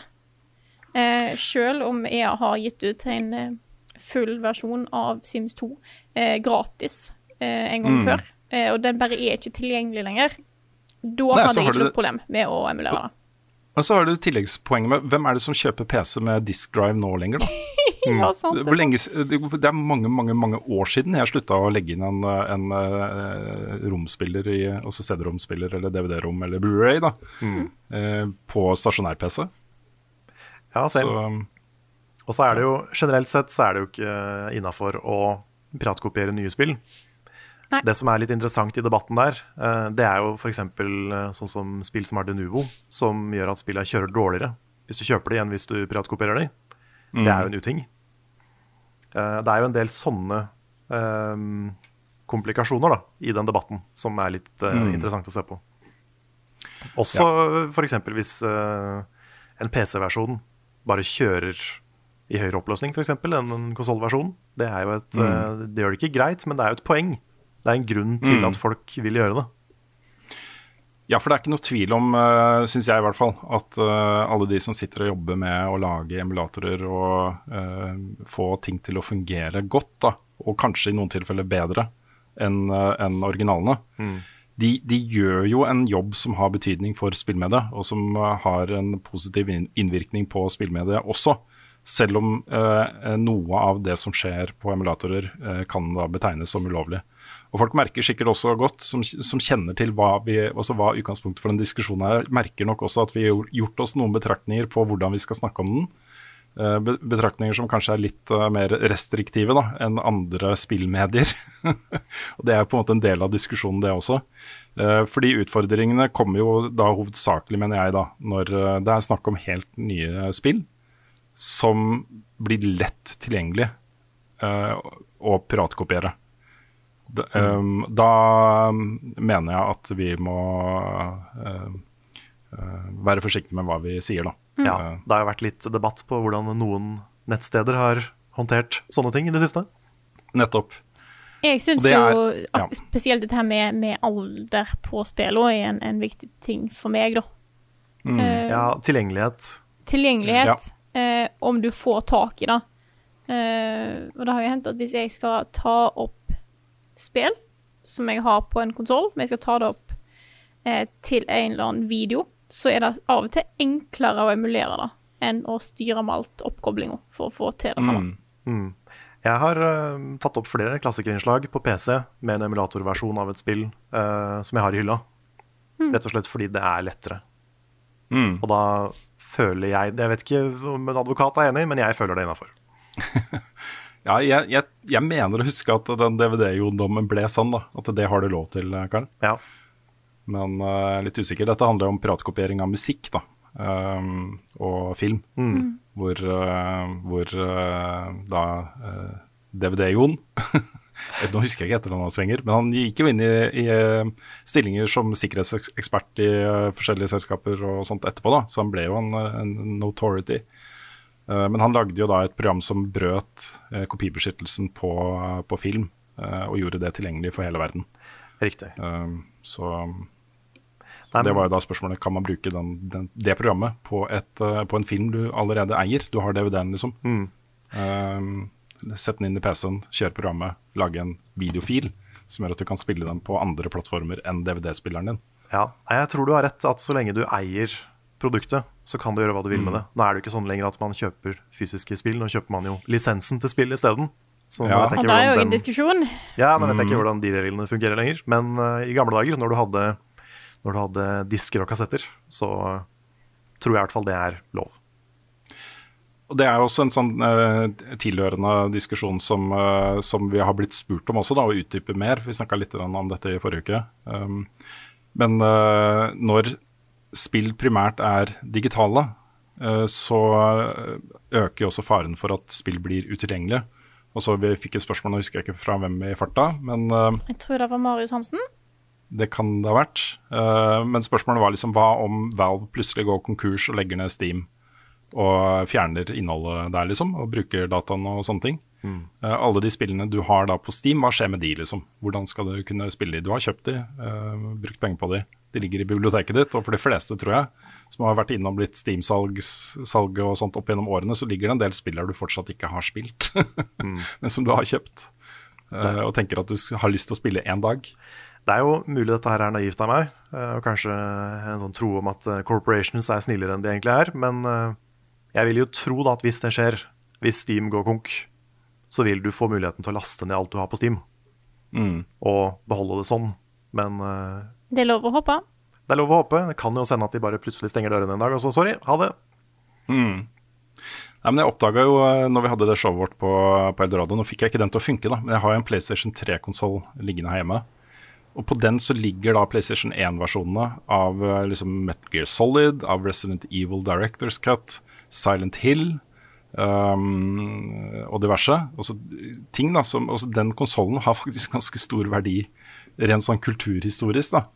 Um, og det er Jeg, vet det er eh, organer rundt omkring i EU og osv. som har fått med seg problemstillingen. At uh, vi står i fare for at mye av det som gis ut i dag, uh, forsvinner, da, går tapt for uh, fremtidige generasjoner. Hvis ikke man gjør en jobb for å bevare de og lagre de på et eller annet vis. Så um, alle disse tingene her, når folk, eh, sånn som når Bunji fjerner innhold fra Destiny, og når um, online-støtten til online-spill fjernes, og servere legges ned og sånne ting, så er det et behov også for å um, ikke la den informasjonen der gå tapt for fremtiden. Uh, og der spiller jo emulatorer en rolle uh, i mange tilfeller, hvor, eh, hvor man da har mulighet til å gjøre spill tilgjengelig, selv om de egentlig ikke er det lenger. Så um, eh, i all hovedsak så vil jeg jo si at mye av emulatorvirksomheten er uh, kulturkonservering. I agree. Nei, men eh, Skal vi hoppe videre til neste spørsmål? Yes. Vi har fått et her eh, som eh, vi har vært litt inn på før, men eh, det er helt klart når det dukker opp flere ganger, så tenker jeg at eh, da er det bare greit at vi tar det en gang til. Eh, dette er fra Berland Media. Han spør, eh, Det er et langt spørsmål, så jeg tar ut eh, litt eh, deler her. Når dere lager anmeldelser, hvor mye legger dere vekt på deres egen opplevelse av spillet, og hvor mye tenker dere på hvordan folket sannsynligvis vil oppleve? Ehm, eh, ja, og hvor mye tenker dere objektivt når dere setter scoren? Det vil jo f.eks. være forskjell på om en spiller et Ubisoft-spill for første gang, og de som har spilt titalls av de og er lei av oppskrifta. Han skriver at han syns uansett vi argumenterer godt for opplevelsene i anmeldelsen, men er bare nysgjerrig på hvordan vi avgjør dette her. Mm. Ja, da er det greit å, å gjenta. Dette har vi snakket mye om før, da. Um, for det er en litt sånn vedvarende um, feiltagelse rundt hva en anmeldelse er. Og rent journalistisk så er en anmeldelse er ikke mer, og kan ikke være mer, enn en subjektiv betraktning av, av noe. Um, det, det skal være personlig, det skal ikke være objektivt. Uh, jeg kan ikke sette meg som dommer for smak. Altså, jeg kan ikke fortelle andre hva de skal synes om noe. Uh, det er min mening som må være den eneste uh, vurderingen der. Så, så anmeldelser er subjektive. Men eh, jeg syns fortsatt poenget er litt relevant. Når jeg f.eks. For, for jeg, jeg, jeg tror han sikter til eh, min, og kanskje litt inn også anmeldelse av Far Cry eh, 6, eh, Nick. Okay. Jeg kjente i hvert fall litt igjen uh, eh, vurderingen eh, i formuleringen hans. Eller lest inn. Ja, ja, nei, jeg var jo enda litt strengere enn deg da jeg ga det ut terningkast tre. Eh, med den begrunnelsen som spørsmålsstiller kom med, at eh, jeg syns formelen er, eh, for meg personlig, litt oppbrukt nå. Jeg kjeda meg litt, rett og slett. Men jeg passa også på i anmeldelsen å skrive at, at uh, Far 6 er veldig formelbundet. Den gjør åpen verden på, på en litt samme måte da, som har blitt gjort nå i ti, ti år, liksom. Og hvis, hvis du ikke er lei av formelen, så kan det hende at du vil få uh, mye gøy ut av det spillet her. Og Det er jo en slags objektiv betraktning av spillet, da.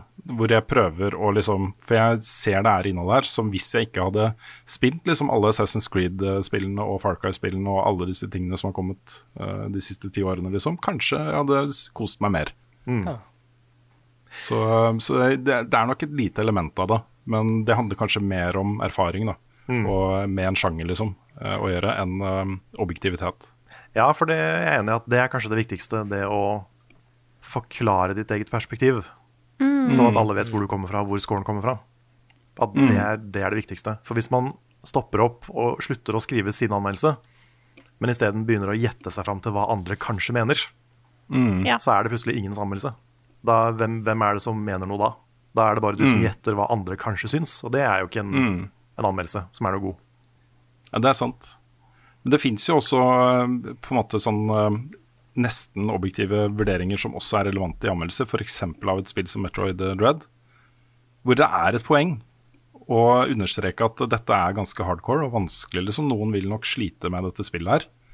Um, uh, og da begynner man jo å bevege seg over i litt mer sånne der, eh, objektive betraktninger om et spill. da Ja, opplysninger, liksom. ja, Ja. opplysninger, altså relevant informasjon for forbrukere eh, som skal vurdere om dette er et spill for dem eller ikke.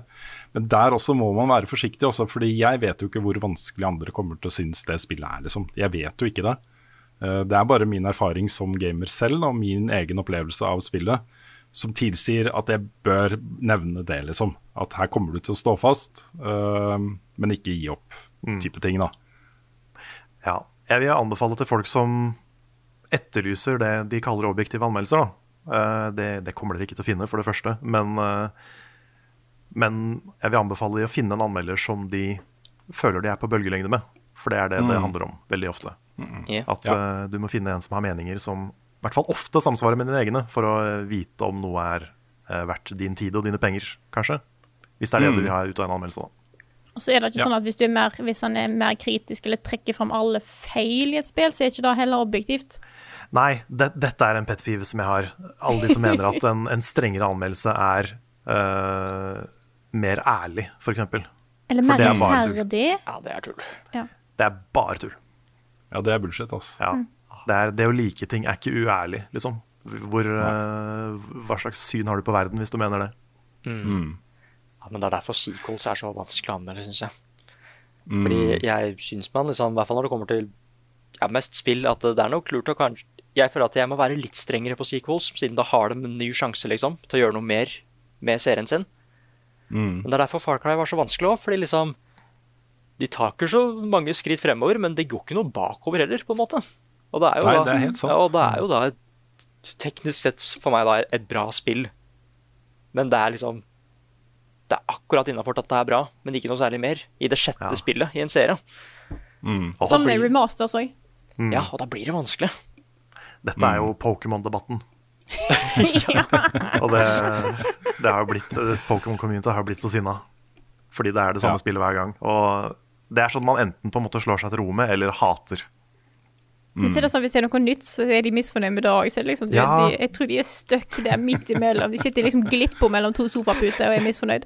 Ja, jeg tror Pokémon Company har malt seg litt inn i et hjørne. Med at ja. de har bygd et så svært, svært univers med så mange systemer som skal stemme overens og være bakoverkompatible. Og så oh, eh, kommer et nytt spill, og så må de enten kaste alt eller være litt tradisjonelle. Og de har jo stort sett valgt å være tradisjonelle. Mm. Og det er ikke alle som liker, og da blir det, da blir det konflikt. Blir det bråk? Da blir det bråk. Liten digresjon. Jeg har, jeg har lyst til å bare ta en litt sånn tilstøtende spørsmål, hvis jeg kan. Mm. Ja. Uh, for det er sånn delvis relevant til, til akkurat dette. Det er fra Bendik, som uh, kommenterer uh, min anmelderjobb i NRK. eh, som jo til nå, da, de ja, drøye, snaue halvannet året som jeg har gjort det, har det jo vært stort sett da spill som er up my alley. Ting som jeg normalt sett ville kunne anmeldt. Og det er jo mye basert på at jeg får lov i ganske stor grad da, til å velge hvilke spill som bør anmeldes. Og jeg har også gitt beskjed om at uh, før jeg ble ansatt til uh, den øh, oppdragstakerstillingen der, at det er noen sjangere som jeg ikke føler meg komfortabel med. Men spørsmålet til Bendik er jo da hva skjer da den dagen 9 og 3 kommer ut, eller Fine Fantasy 16 eller Persona 6, og det ikke kommer noe annet stort den måneden. Hva skjer da, liksom? Det er en, jeg må ærlig innrømme at det er en situasjon jeg har grua meg litt til. For jeg vet den på et eller annet tidspunkt så kommer den, ikke sant. Eh, en måned hvor det bare er Fifa eh, 23 da, som kommer ut, og ikke noe annet, liksom. Um, og så må jeg anstrenge meg da for å argumentere nei, vi behandler dette kule indiespillet her isteden. Um, og det, den dagen kommer nok. Um, men jeg, da må jeg egentlig bare være litt uh, uh, tøff på det, altså. Jeg, jeg vet at det er enkle, enkelte sjangre der ute som, uh, som um, min mening ikke er så veldig relevant innenfor, liksom. Og da, blir, da føler jeg nesten ikke det blir rettferdig overfor spillet heller. Nei, for i sanne situasjoner, da, og jeg var i den situasjonen ganske ofte i VG, hvor det kommer liksom Harry Potter-ting og, og ting som er veldig naturlig for VG å anmelde, men som ikke er personlig veldig viktig for meg. da. Hvor jeg allikevel lagde anmeldelse, og i de tilfellene må jeg innrømme at da bikka jeg litt for langt over i sånn objektivitet, altså eh, ikke bare min mening. For jeg mener også det er feil, da. Hvis dette ikke er en sjanger for deg, det ikke er laget for deg, hvis ikke du har noe personlig eh, med denne sjangeren å gjøre i det hele tatt, så blir det også feil å sitte og bare Nei, dette er dritt, liksom. fordi, eh, fordi det er ikke noe for deg, ikke sant. Um, så jeg Ja, syns det, det, er veldig forskjell på de to tingene. da Å si at noe er dritt, Ja. og si at noe ikke er for deg. Ja, men hva skal man gjøre da? Skal man være bare helt personlig og gi det terningkast én eller to, liksom? Et uh, spill laget utelukkende for barn, f.eks. Og det Ja. Ja, men det handler jo mer om å bare se kvalitetene litt fra avstand. da. Det blir jo mer av det. Men det er jo noen spill Ja, men det, er det, jeg- som det er det jeg mener. Mm. Ja. Det, det er det jeg måtte gjøre. Se kvalitetene fra litt avstand og bruke min erfaring som anmelder da, i større grad enn i ting som er nesten bare subjektive, liksom. Men jeg tror, jeg tror også samtidig at hvis du hadde hoppa inn i Final Fantasy 16 da, med et uh, åpent sinn, så tror jeg du kunne laga en fin anmeldelse av det. Ja da, jeg, jeg tror også det. Jeg kunne nok ha anmeldt hva som helst uh, hvis jeg måtte. Men jeg, jeg mener det er litt sånn feil bruk av ressurser også, da. Det er, uh, da får vi heller hente flere anmeldere, tenker jeg da. Ja, NRK burde ha flere anmeldere. Ja. Det er helt klart. Ja, Det har jeg sagt fra om også. De burde hatt i hvert fall én til. Ja, ja Så men yes. eh, Har dere spørsmål til eh, på, på lager? Ja, skal vi se, jeg hadde et ikke, her. jeg finner ikke mitt. Men jeg har et her som kanskje du kan svare på, Nick. Ja. Det er fra Jonas Gjerding Smith. Han spør Hei, har noen av dere sett den nye James Bond-filmen No Time To Die? Og hva syns dere om den? Og hvis ikke dere har sett den, skal dere se den? Ja, for der er spørsmålet mitt, men jeg, Ja, jeg visste det, vet. Jeg, jeg veit ikke hvor det var. men ja, jeg så jo No Time To Die i går. Ja. Ja, nice. Åh, den var kul, ass. Det var, Ja, det var det, ja. Kult. Ja, den, den var kjempekul. Uh, for det er liksom derre uh, Han Daniel Craig er jo min favoritt-Bond. Og derfor liker jeg filmene hans veldig, veldig godt. Men det, det er De satt eh, Jeg holdt på å si De satt lista så høyt på starten, føler jeg. Med liksom både Casino Royal så gikk den ganske ned med Quentin of Der var det litt problemer med når de skulle lage den, men så gikk den rett opp igjen med Skyfall. Mm. Kongefilmer, liksom. Og da, er og da er jeg alltid litt sånn at eh, jeg, jeg håper den er bra, i hvert fall. Men jeg forventer ikke at den er liksom der oppe med Skyfall og Casino Royal. Men hva, den var bra, ass. Jeg tror faktisk jeg liker den mer enn Skyfall. Oi, oi, oi. Såpass. Uh, mye av det var, skjedde i Norge òg, da, så kanskje det er derfor. Uh, masse, nei, men den er sånn Den var kjempefin å se på. De slåss på skikkelig kule seere, det er én ting. Men det som er så kult, er at alle de Daniel Craig-filmene har en sånn sammenhengende historie. Mm. Og det har ikke de andre James Bond-filmene gjort noe særlig. Nei, ikke like så grad, i hvert fall. Ja. Litt med Pierce Brosnan. Og da, og da var det så kult med at det liksom De går tilbake til det som skjedde i Casino Royal, og det er relevant til No Time To Die. da. Ja, det er kult. Og, og da var det veldig sånn Det var jo også litt trist, fordi han har jo sagt nå at dette er den siste rollen han gjør som James Bond. Så man gikk jo inn der og bare åh, siste gang jeg ser Daniel Craig. For det er også veldig sånn spesielt at de pleier liksom ikke å si det før filmen kommer ut at dette var den siste med han. De pleier som regel bare at vet du nå må vi ta en ny James Bond. Så nå finner vi en ny en.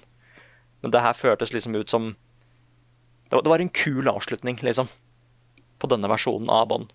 Og så var det så koselig at det var så mange eldre folk som også så på filmen. Mm. Sånn skik- skik- godt uh, Ja, eldre enn foreldra mine og sånn, som gikk og koste seg med filmen. Oh, da har de sikkert vært med siden Sean Connery. Ja, ja. Det er typisk James Bond-filmer at de, har, de filmene har jo fans i alle aldre. Ja. Og, og det, var så, det, det var så holdsom, for hun ene sa at den, den var litt lang, men hun likte den, da. Ja. Fordi den, for den er nesten tre timer lang. Den, men, men det føltes Oi, ikke det sånn shop, ut. altså. Men det føltes ikke sånn ut, og det var det som var så kult. Altså så likte jeg skurken veldig godt.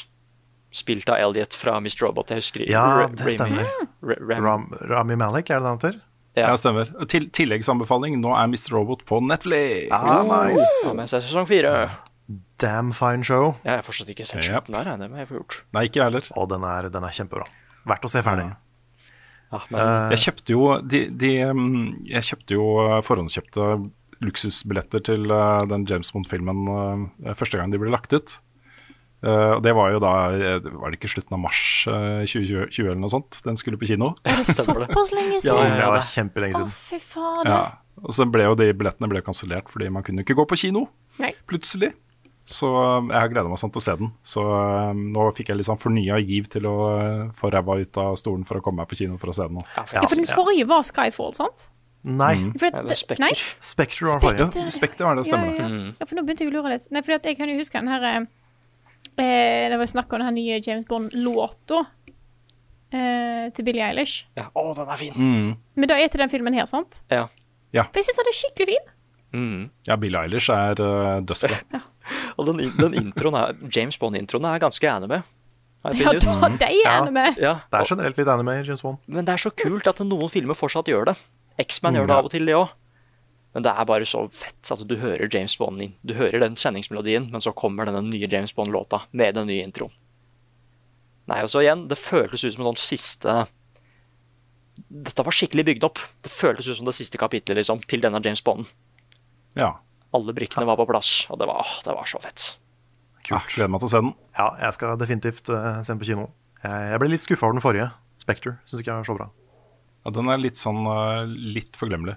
Mm. Den, den prøvde liksom litt sånn retroaktivt å bygge opp seg sjøl. På en Ja. måte som ikke funka helt for meg.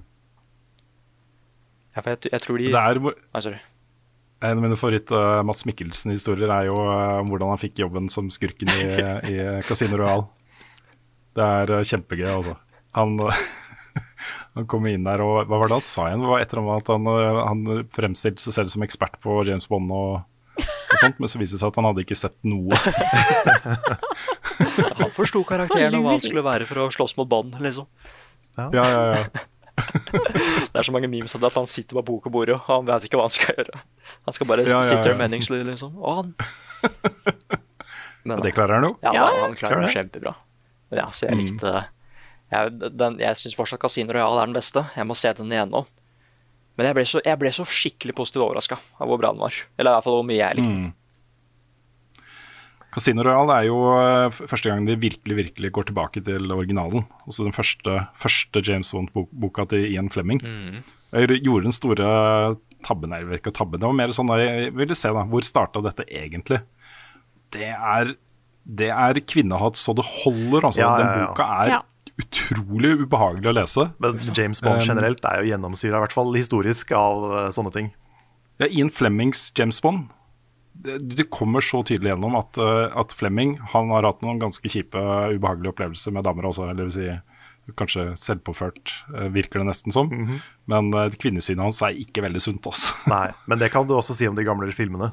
Med Ja, Sean Connery ja, og Roger Moore og alle de der. Der, der er det mange scener som er sånn Oi! Dette er, dette er en stund siden. Nei, vi har tross alt gått litt videre som samfunn, da. Når man, Ja, uh, vi, vi man har det. ser uh, Sean Connery klapse damer på rumpa, bare 'move along toots, man talk'. Ja, ikke sant. Åh, nei, men dager. vi- Ja. Kan jeg bare ta en kjapp siste ting? Fordi jeg syns spørsmålet var så søtt. Kan Ja. jeg det? Ja. Ja. Uh, vi har fått nemlig et spørsmål fra Per Inge Johansen, som har en datter på seks år. Og de har spilt gjennom Astros eh, Playroom Ja, sammen. ja, ja, og, bra og forteller at ja, og han forteller at eh, hun uh, koste seg sånn, og ble så lei seg da, da, hun skjønte at spillet var over, og at de hadde fullført det og sånne ting. Så han ville ha da tips til nye opplevelser. Og siden Astros Play, Play, Playroom, så regner jeg med at de da har en PlayStation 5. Så da vil jeg egentlig bare si Sackboy er Big Adventure. Tror jeg er eh, perfekt for uh, en far-datter-opplevelse. Um, Ratchet and Clank Rift Apart, kanskje. Det er litt, litt mer voksent og litt mer bråkete og sånt, men fortsatt tror jeg er en veldig fin ting å spille sammen, da. eh, I sofaen. Jeg ser de har jeg- spilt eh, Odyssey, så da har hun jo kanskje litt I hvert fall kontrollerne i, eh, i fingrene. Mm, og så ber jeg deg, eh, Per Inge, om å ta en vurdering på It Takes Two. Um, fordi det er, jeg, jeg tror det er utrolig gøy å spille det sammen, men det er en del liksom, voksen tematikk i spillet. Det er noen litt fæle scener for barn, tror jeg. Ja, så, men, men jeg er ganske sikker på da, at det å sitte og spille det sammen med en voksen, foreldre liksom, og um, ha muligheten til å liksom, stille spørsmål og, og sånne ting, vil, gjøre, vil dempe litt de litt mørkere sidene av det spillet. Da. Fordi gameplay-messig, innholdet i det du gjør, og samarbeidet eh, mellom de to som spiller det spillet, er en sånn der perfekt eh, barn-forelder-opplevelse også. Den eh, har jeg hatt selv, og også eh, eh, nevøen min har spilt det med søstera mi. Og det er kjempestas, altså. Kjempestas. Vi også trekker fram, selv om det er et ganske vanskelig spill, så Kana er jo et kjempefint spill å spille sammen med Ja, men hun er seks år gammel, da. Jeg tar en enklere vanskelighetsgrad. Ja, men jeg tenker på, jeg tenker på hvis f.eks. pappa spiller og hun er gira på Ja. å se på. Ja, det er sant. Det er sant. Det er, men det er, jeg syns det er litt skummelt. Ja, er det noen for av de? Ja. Noen av scenene er kanskje litt uh, skumle, ja. Men, uh, men jeg, igjen, da. Um, rent personlig tror jeg det hadde gått greit. Jeg spilte jo gjennom hele Breath of the Wild med mine barn da yngste var fem, tror jeg. Så, og det gikk jo fint, da, fordi vi satt sammen i sofaen, ikke sant. Så da ble eh, de skumle tingene kanskje litt mindre skumle. Ja, ja de flashback-scenene i Kena kan være litt skumle, men resten av spillet er jo veldig koselig med de der små Ja, det er sant, det. det Mm. er sant. Så det er eh, litt bollag, kanskje. Mm. Ja, dette er en, øh, en foreldreoppgave som jeg applauderer. Å sitte og spille med barna sine er noe av det flotteste du kan gjøre som øh, mamma eller pappa. Og med den koselige, ja, koselige spørsmål der, så tror jeg vi tar og runder den podkasten her. Dette er Level Backup, en podkast utgitt av moderne media. Låten i introen og outroen er skrevet av Ole Sønnik Larsen og arrangert og framført av Kyoshu Orkestra. Vignettene er laget av fantastiske Martin Herfjord. Mer innhold fra oss da finner du selvfølgelig på youtube.com slash levelupnord og twitch.tv slash levelupnord. Hei. Kan bare nevne, Ja. Det var noen som påpekte for oss at vi har runda ti millioner visninger på YouTube-kanalen vår. Nå Det er sant. det er sant. Knall. Ja, det er bra. Det er jo litt mindre imponerende når man tenker over hvor mange år den kanalen har eksistert, men det er jo egentlig bare de siste eh, fem årene som vi har hatt ordentlig aktivitet av. da. Så eh, det er fortsatt ganske stas. Mm. Jeg lurer på hvor mange prosent som er eh, Norges kuleste spillerom-videoen. Godt spørsmål. Oh, det er lett å regne ut. Nei, Ja, det er ganske lett. rett. Ja. Mm.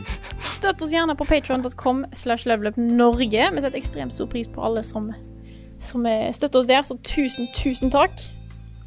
ja, Eh, tusen takk, altså. Det er uh, amazing. Og med det så sier jeg takk for en uke her, og så snakkes vi igjen neste uke.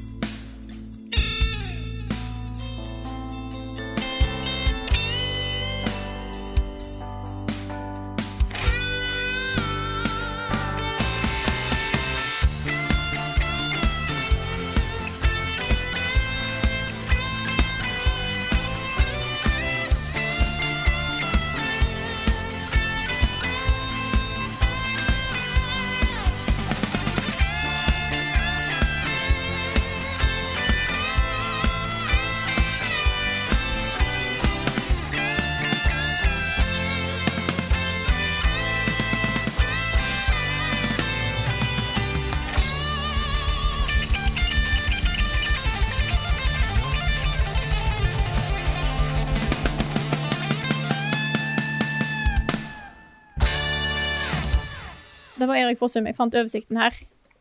Eh, skrev om, da. Nintendo 13.1.2006. Ryktene stemmer ikke. Vi har ingenting å annonsere om en ny DS. Eh, to uker senere. Her er DS Light, kommer om to måneder. ja, ikke sant? 2008. Faen meg så lyger. Det er ikke en ny DS på vei. Vi vil bare lansere en ny modell når vi går tom for ideer med DS. Eh, oktober, altså fem måneder etterpå. Her er DSI! Kommer neste måned. Ja. Eh, i 5. juni 2012. Nikkei lyver. En større 3DS er ikke på vei. 22. juni. Her er 3DS XL! Det syns jeg egentlig er litt Med Media lyver. Bare Ja. ingen planer om å lansere spill til mobil. Eh, OK, da. Vi holder på med ting på mobil. Nei, vi skal Ja, ikke avslutte jo- Wii U-produksjonen. Vi har avslutta Wii U-produksjonen. Det er liksom Det er så gøy. Det er jo bare reinspikka løgn. ja. Det er det er så gøy. Det er liksom ikke noe slemt. Det er bare Lager dere det? Nei. Det Eller er ikke bare det, men også vanligvis når man skal avkrefte sånne rykter uh, som egentlig er sanne, da, så sier man bare uh, Nei, vi har ingenting å si om dette på nåværende tidspunkt, eller sanne type formuleringer. ikke sant? Eller bare bare, ikke adressere det. med disse nei, de lyver! De lyver! Eller bare lyver. Så det renner. Nei, nei men kanskje det er ikke produksjon heter de får ideen av communityet. Ja, kanskje det er, kanskje det er ryktet som gir det ideen okay, til nå å har vi gjøre det. to uker på oss. Vi må bare få ut denne dritten. Ja. En ny 3DS? Nei, vi har ikke noe der ennå. Men vi har det nå. Ja, ja, kommer en eller annen sjef inn i sparker opp døra til, øh, til ingeniørene og bare sånn Nå skal dere lage denne. I expect it on my desk by Monday. Nei, men uh, Det her, ble bra til å legge til slutt, kanskje. Eller noe Ja, legge det på slutten, eller nesten på starten. Ja. Eller et eller annet. Har du et enkeltpersonforetak eller en liten bedrift? Da er du sikkert lei av å høre meg snakke om hvor enkelt det er med kvitteringer og bilag i fiken, så vi eh, gir oss her, vi. Fordi vi liker enkelt. Fiken superenkelt regnskap.